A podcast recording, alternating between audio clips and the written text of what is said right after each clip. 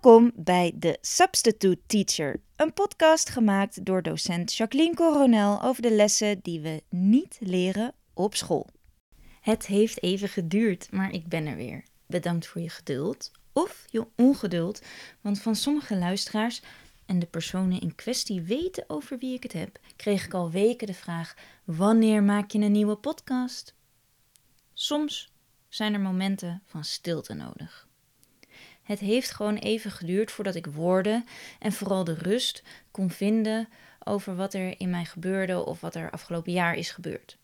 Dat neemt niet weg dat ik er niet mee bezig was. Juist niet. Ik was bezig met vragen als: wat heb ik meegemaakt? Wat heb ik geleerd? Wat zijn mijn bevindingen? Hoe heb ik mij gevoeld? Hoe voel ik mij nu?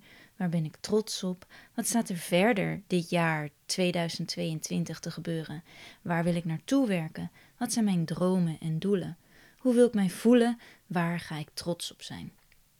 En de antwoorden op deze vragen heb ik eigenlijk al het hele jaar verzameld. In mijn dagboek of de notities van mijn telefoon, de foto's die ik heb gemaakt, de teksten die ik heb geschreven, de plannen, de afspraken.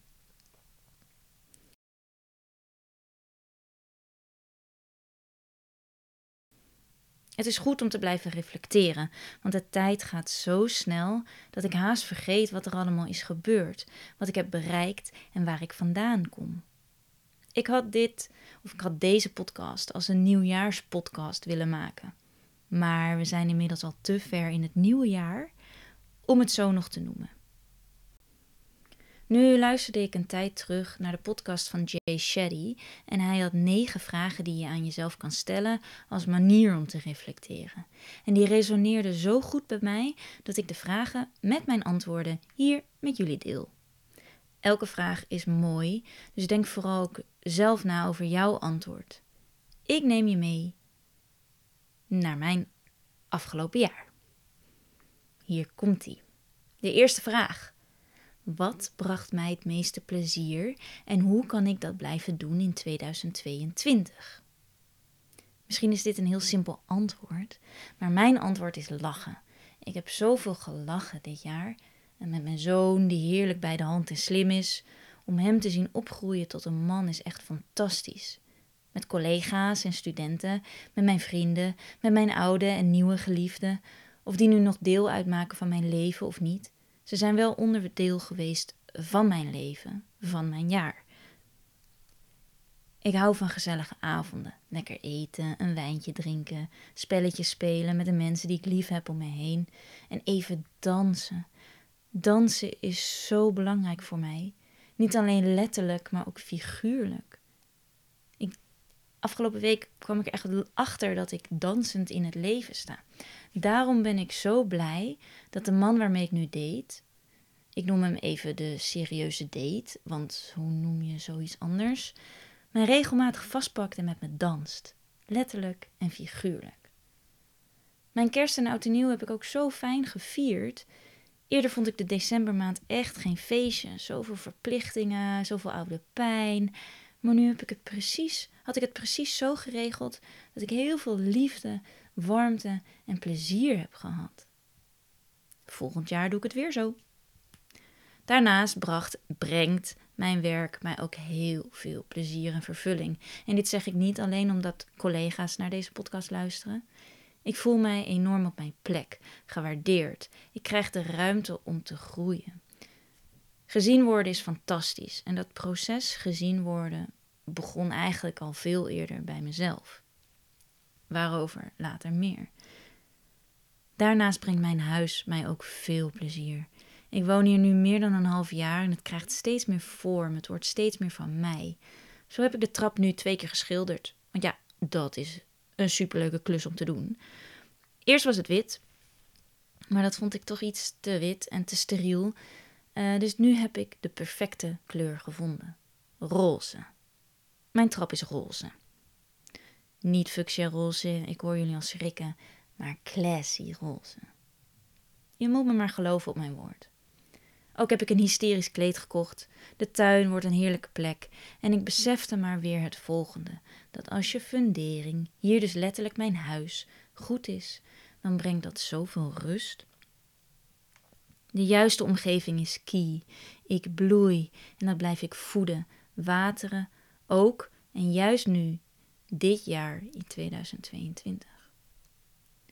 Wat zorgt ervoor dat ik afgelopen jaar niet gelukkig was? Met deze vraag kan ik natuurlijk heel makkelijk met mijn vinger wijzen naar anderen of situaties, want de schuld neerleggen bij een ander is zoveel makkelijker. Maar de kunst is om bij mezelf te blijven. Dus net als met mijn geluk, moet ik mezelf ook eigenaar maken van mijn ongeluk. Hoe ben ik er terechtgekomen? Wat was mijn aanbreng in de situatie? Nu zal ik eerlijk zijn, absoluut. Ik heb mij ongelukkig gevoeld. En dat zal ik zo toelichten. Maar dat ongeluk heeft mij niet overgenomen. Wat het vroeger wel kon doen. En dat is bijzonder om te merken. Ik kon het, mijn ongeluk, mijn verdriet, ik kon het er laten zijn, maar ik kon ook blijven leven. Dus wat was het voor mij in 2021? Ik denk dat het toch de break-up was. Hoe goed die ook achteraf gezien is geweest. Ik sta er volledig achter. Maar het moment zelf en de weg er naartoe, de dagen rondom, dat had echt anders gekund. Ik had me daar echt anders in kunnen opstellen. Ik was absoluut niet wie ik werkelijk ben. Uh, die dagen, maar ook in de relatie zelf. Ik zette mezelf aan de kant, alweer. Ik werd, daar werd ik dus echt ongelukkig van. Niet jezelf zijn. Ik was niet mezelf. Nu ik dit zo zeg, merk ik dat dat laatste, mezelf aan de kant zetten voor de ander, er dus echt voor zorgt dat ik ongelukkig ben, dat ik ongelukkig word. Maar nu ik mezelf weer heb gevonden, is alles open. Er komt en, en alles waar ik zo hard voor heb gewerkt en aan heb gewerkt, alles komt ook nu naar me toe. Dus wellicht kan ik zeggen dat mijn grootste ongeluk van 2021 ook mijn grootste goed is geweest. Wat, dat, wat dan wel weer heel erg cliché klinkt. Wat is mijn grootste les van afgelopen jaar? Dat is vraag 3. Eigenlijk noemde ik die al een beetje bij mijn antwoord van vraag 2, maar dat is toch echt bij mezelf blijven. Ik kan steeds beter mijn grenzen aangeven, mijn verlangens kenbaar maken. Ik blijf bij mezelf als het gaat om emoties en gedachten. Maar het mooiste is dat ik mezelf steeds beter uitvind. Ik ben trots op mezelf, waar ik sta, wat ik voel, wat ik doe. En ik doe het met alle liefde die in mij zit. Ik heb mezelf gevonden. Ik ben in balans. Ik word niet meer uit het veld geslagen door gebeurtenissen. Ik kan de tijd nemen. Ik ben geaard. Het voelt ook alsof ik eindelijk kan ademhalen, alsof de druk van mijn borst weg is. De grootste les is dus misschien toch wel geweest dat ik het verschil nu weet tussen zijn en waarnemen. Ik ben niet mijn emoties of gedachten, ik neem ze waar. Ik ben niet de situatie, ik neem het waar. En dat geeft zoveel ruimte. Vraag 4. Wat heb ik meer willen doen? Waar had ik meer tijd voor moeten maken? Wat wil ik prioriteit maken komend jaar? Wat belangrijk voor mij is, is dat ik dus mijn eigen tijd goed blijf invullen en bewaken. Ik had meer mijn eigen ruimte moeten nemen. In een relatie pas ik mezelf toch echt te snel aan aan de ander. Zo mediteerde ik ochtends niet meer, terwijl dat voor mij echt een ongelooflijk goede start van mijn dag is. Ik deed dat niet meer tijdens mijn relatie. Ook luisterde ik ineens geen muziek meer, terwijl ik dat nu wel weer veel doe. Ik heb veel muziek op, ik loop dansend en zingend door mijn huis. Gek is dat wel. Dat besef. Lezen, muziek maken, maken ook, want ik heb weer pianoles. Muziek luisteren, mijmeren, tijd met vrienden doorbrengen, dansen, schrijven, rommelen in huis. Ik ben een kreeft. Kreeften houden van huiselijkheid. Dit is belangrijk voor mij en daar wil ik tijd voor maken. Dus dat wordt mijn prioriteit. Net als mezelf tracteren op een weekendje weg. Af en toe alleen zijn. Daar laat ik van op. En dat had ik moeten blijven doen. Die ruimte had ik moeten blijven nemen. Ook heb ik mij eerder moeten uitspreken over de kleine wrijvingen die ik in mezelf voelde. Ik had nog beter moeten voelen en luisteren naar een dieper liggende laag in mij. Zo las ik van omdenken uh, de volgende quote. Ik heb te vaak een komma gezet waar ik een punt had moeten zetten. Zo, nou die kwam binnen bij mij hoor. Wat wil ik minder doen? Ik wil nog meer van de telefoon af. Ja, het liefst ook die smartphone uit het raam, maar ik heb hem nog nodig. Al hoor ik mensen denken dat je hem ook niet nodig kan hebben. Maar zover ben ik nog niet. En dat ga ik ook nooit zijn, dat weet ik dan weer ook. Wat ik wel heb gedaan, is dat ik mijn social media heb verwijderd. Ik ben al zo'n vier maanden, misschien wel langer, zonder Instagram. Of Jacques zonder Insta, zoals mijn collega en tevens vriendin mij noemt. Ook ben ik al twee jaar zonder Facebook en dat soort dingen en ik mis het geen moment. Ik was er veel te veel mee bezig. Het slurpt tijd, wat ik al steeds kostbaarder vind, en ruimte in mijn hoofd. Nog kostbaarder. Het zorgt voor een ongezonde relatie eh, met betrekking tot mezelf en anderen. Het is een soort onderliggende, sluimerige strijd. Elke keer. Gedachten als: oh, dit moet ik ook. Oh, ik moet dat kopen en dan ben ik gelukkig. Oeh, zij gaan trouwen en krijgen een baby. Moet ik dat nu ook weer? Of hij, zij sport meer dan ik, dus ik moet ook meer sporten. Boah, wat ben ik blij daar vanaf te zijn. Wat een negatieve druk lag erop. Dus in de tijd die ik niet meer op Instagram zit, lees ik meer boeken, schrijf ik, ben ik buiten, ben ik in contact met anderen, ben ik in contact met mezelf, live, niet online. Ik wil namelijk verbinding, echte verbinding. Zo zijn kennis dat Instagram toch alleen maar bedoeld is om mensen die je niet mag jaloers te maken. Dat is zo waar. Ik ben totaal niet meer bezig met wat anderen van mij denken. Anders zou ik hier, in deze podcast, nu ook niet zo open zijn en zoveel vertellen. Maar goed, ik wil dus nog minder met de telefoon bezig zijn. Ooit hoorde ik in een serie de zin: Het is ons fundamentele recht om onbereikbaar te zijn. Het is ons fundamentele recht om onbereikbaar te zijn. En zo is het. Ik wil onbereikbaar zijn, gewoon af en toe niet bereikbaar. De telefoon is zo wat in onze, of laat ik hier vooral voor mezelf blijven spreken, mijn hand vastgegroeid. Ik wil meer onbereikbaar zijn. Daarnaast wil ik ook minder kopen. Zo heb ik op aanraden van uh, mijn serieuze date. Ja, hoe geef je zoiets een naam, hè, jongens? Ik weet het ook niet. De docu Minimalism gekeken. Ik heb gelijk mijn kledingkast gehalveerd, letterlijk gehalveerd. Ik heb planken eraf gehaald, uit elkaar gehaald. Nou, maakt niet uit. Uh, en een flinke berg kleding, schoenen, spullen die ik niet meer gebruik, weggedaan, weggegeven of verkocht. Nu past dus al mijn kleding, zomer- en winterspullen, in één kast. En dat voelt heerlijk. Ik moet nog wel beter nadenken over of ik echt uh, gelukkig word van iets wat ik wil kopen. Heb ik het echt nodig? Ga ik hier blijven zijn? Gaat dit iets toevoegen? Die vragen moet ik mezelf wel echt heel bewust blijven stellen, want soms is het gewoon te lekker om nog eventjes een zilver pak te kopen wat er super vet uitziet op de foto, maar mij waarschijnlijk toch niet gaat staan. We gaan door naar vraag 6. Wat is mijn grootste succes geweest? Dat weet ik heel goed. Ik weet dat mijn heel mijn 2021 daarom heeft gedraaid. En eigenlijk werd de eerste stap al veel eerder gemaakt daarvoor. Want eind 2020 nam ik ontslag bij de middelbare school waar ik toen werkte. Een leerzame plek, absoluut. Fantastische plek. Waar ik vooral leerde mijn grenzen aangeven. Maar mijn kracht werd daar niet gewaardeerd. Ik begon dus op uh, eh, 1 januari, bij mijn, vorig jaar, 1 januari 2021, bij mijn huidige baan. En hier ontwikkel ik mij meer en meer en sneller. En het wordt ook gezien.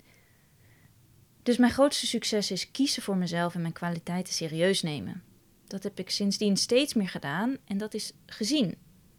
Daardoor ben ik wel ook veel andere dingen en mensen ontgroeid. Zo ontstond er wrijving in relaties die mij niet meer dienden, maar zo vond ik ook mijn nieuwe huis en nog beter vond ik ook mezelf meer uit. Waar is dat toch begonnen? Ik kan wel zeggen dat dat eind 2020 was, maar dat, het is veel langer geleden in gang gezet. Ik voelde al heel lang dat ik een kracht in mij heb die ik moet gebruiken, alleen kon ik nog niet goed de vinger opleggen wat die kracht nou precies was. Dus in de zomer van 2020 deed ik de cursus Becoming the One. Uh, overigens, uh, die, degene die die cursus heeft bedacht, heeft ook een boek nu uitgegeven, Becoming the One. Interessant om eventjes te lezen. Daar begon het balletje bij mij echt te rollen bij die cursus. Maar de keuze om die cursus te gaan doen was ook al een stap. Zo was het ook een grote stap om vier jaar geleden mijn masteropleiding te gaan doen. Ook een keuze voor mezelf. En zo kan ik nog verder teruggaan in de tijd. En alles gaan zien uh, als aanloop tot het nu. En daarmee kan ik dus ook het nu zien als aanloop tot later, wat er nog gaat komen. Je bent dus nooit klaar. Ik, ik voel ook echt dat ik nooit klaar ben. Het gaat hier namelijk om consistentie, om geduld, wat ik niet altijd heb, geef ik eerlijk toe. Groei, commitment, willen en blijven leren. Ik zie nu in dat dat echt in elk deel van mijn leven, in elke fase van mijn leven zit. In deze lijn zit denk ik ook dat ik het gesprek weer met mijn moeder ben aangegaan. En dat we daarmee de enorme patronen in de hele familiegeschiedenis hebben opengebroken. Of dat ik er in ieder geval een begin mee heb gemaakt. Ik verdiep me in familietrauma's en hoe die generaties door, lang doorgegeven kunnen worden. En dat vind ik dus echt machtig interessant. Vraag 7. Wanneer heb ik het gevoel van falen gevoeld? Dat is wel grappig, want hier ging mijn vorige podcast over. Over dat we vooral moeten blijven falen. Falen, blijven falen, beter falen. Dat, dat was de boodschap. Um, ik weet niet of ik het als, echt als falen kan voelen, omdat ik er ook gewoon zo'n enorme les uit heb geleerd. En dat is toch het, het verbreken van de relatie. Uh, en, en het overlijden van mijn vorige hondje, Mo. Maar misschien is mijn faalmoment toch wel die uh, in de relatie geweest. Het, eindigen van mijn vorige relatie. Um, Vooral omdat het, ik had zo erg gehoopt dat het anders was gegaan. Of dat ik het anders had gedaan. Uh, we zijn allebei daarin onszelf vergeten. En dat is zonde geweest. Dus ik faalde daarin. Mezelf weer te veel opzij gezet voor de ander. Ik kan mezelf daar ook wel over blijven afstraffen dat het anders had moeten gaan. Maar dat heeft ook geen zin. Want wat ik heb gedaan en heb geleerd, neem ik mee in wat ik nu aan het opbouwen ben. En dat voelt supergoed. En dat had ik zeker niet gekund zonder de ervaring die ik heb gehad. Falen is leren. Vraag 8. Wat wil ik komend jaar blijven leren? Waar wil ik in blijven groeien? Uh, ik heb weer pianoles, dus ik leer weer piano te spelen. Ik wil leren deze podcast beter te maken. Uh, ik wil weer meer met woordkunst doen, literatuur, poëzie, schrijven, zelf gaan schrijven. Ik wil mezelf blijven leren ontdekken. Ik wil blijven leren van anderen. Ik wil openstaan. Ook wil ik uit de leiderschapsopleiding die ik voor mijn werk mag gaan doen, alles halen wat ik eruit kan halen. Ik begin daar komende week mee. Ik ben ongelooflijk benieuwd. Een jaar lang ga ik dit doen. Uh, ik wil leren bewuster te worden met aankopen die ik doe. En dat is al best wel een aardige lijstje zo. 2022 is en wordt gewoon weer een mooi jaar. Dan de laatste vraag, vraag 9. Wat is mijn favoriete manier om op te laden? Zoals ik al zei, ben ik een kreeft. Ik hou van lekker een holletje maken. Uh, maar dansen vind ik heerlijk. Zoals ik al noemde. Een avondgezelligheid. Maar ook juist dus rust. Op tijd slapen, tijd voor mezelf inplannen, niks doen, gewoon mijmeren. Sporten, vooral krachttraining. Ik kan dat eindelijk weer doen na mijn heftige overbelaste rug. Uh, heel belangrijk is krachttraining dus voor mij. Sporten. Buiten zijn vind ik heerlijk. Wandelen met de hond. Ja, ik heb weer een hond. Superleuke hond. Uh, Zo'n leuke en bijzondere hond dat ik er ooit nog wel meer over ga vertellen. Wat wil ik nog meer? Wat doe ik nog meer om op te laden? Lachen met mijn zoon vrienden. Ik heb een kleine vriendengroep Maar ook door afgelopen maanden weet ik dat ik altijd bij ze terecht kan. Juist door afgelopen maanden weet ik wie er echt zijn voor mij. En dat is heel bijzonder. Wat doe ik nog meer graag? Knuffelen, eten, genieten van een goede wijn, genieten van de zon. Ik kijk dan ook enorm uit naar mijn vakantie naar Dubai. Een strandwandeling. Oh, lekker even op het strand uitwaaien. Weet je, het, kan gewoon heel simpel zijn. Maar door al deze dingen voel ik mij fysiek en mentaal krachtig. Dit waren de negen vragen en mijn antwoorden op de vragen. Laten we deze vragen vaker aan onszelf en aan elkaar stellen. En laten we daarna in dialoog gaan met elkaar en onszelf.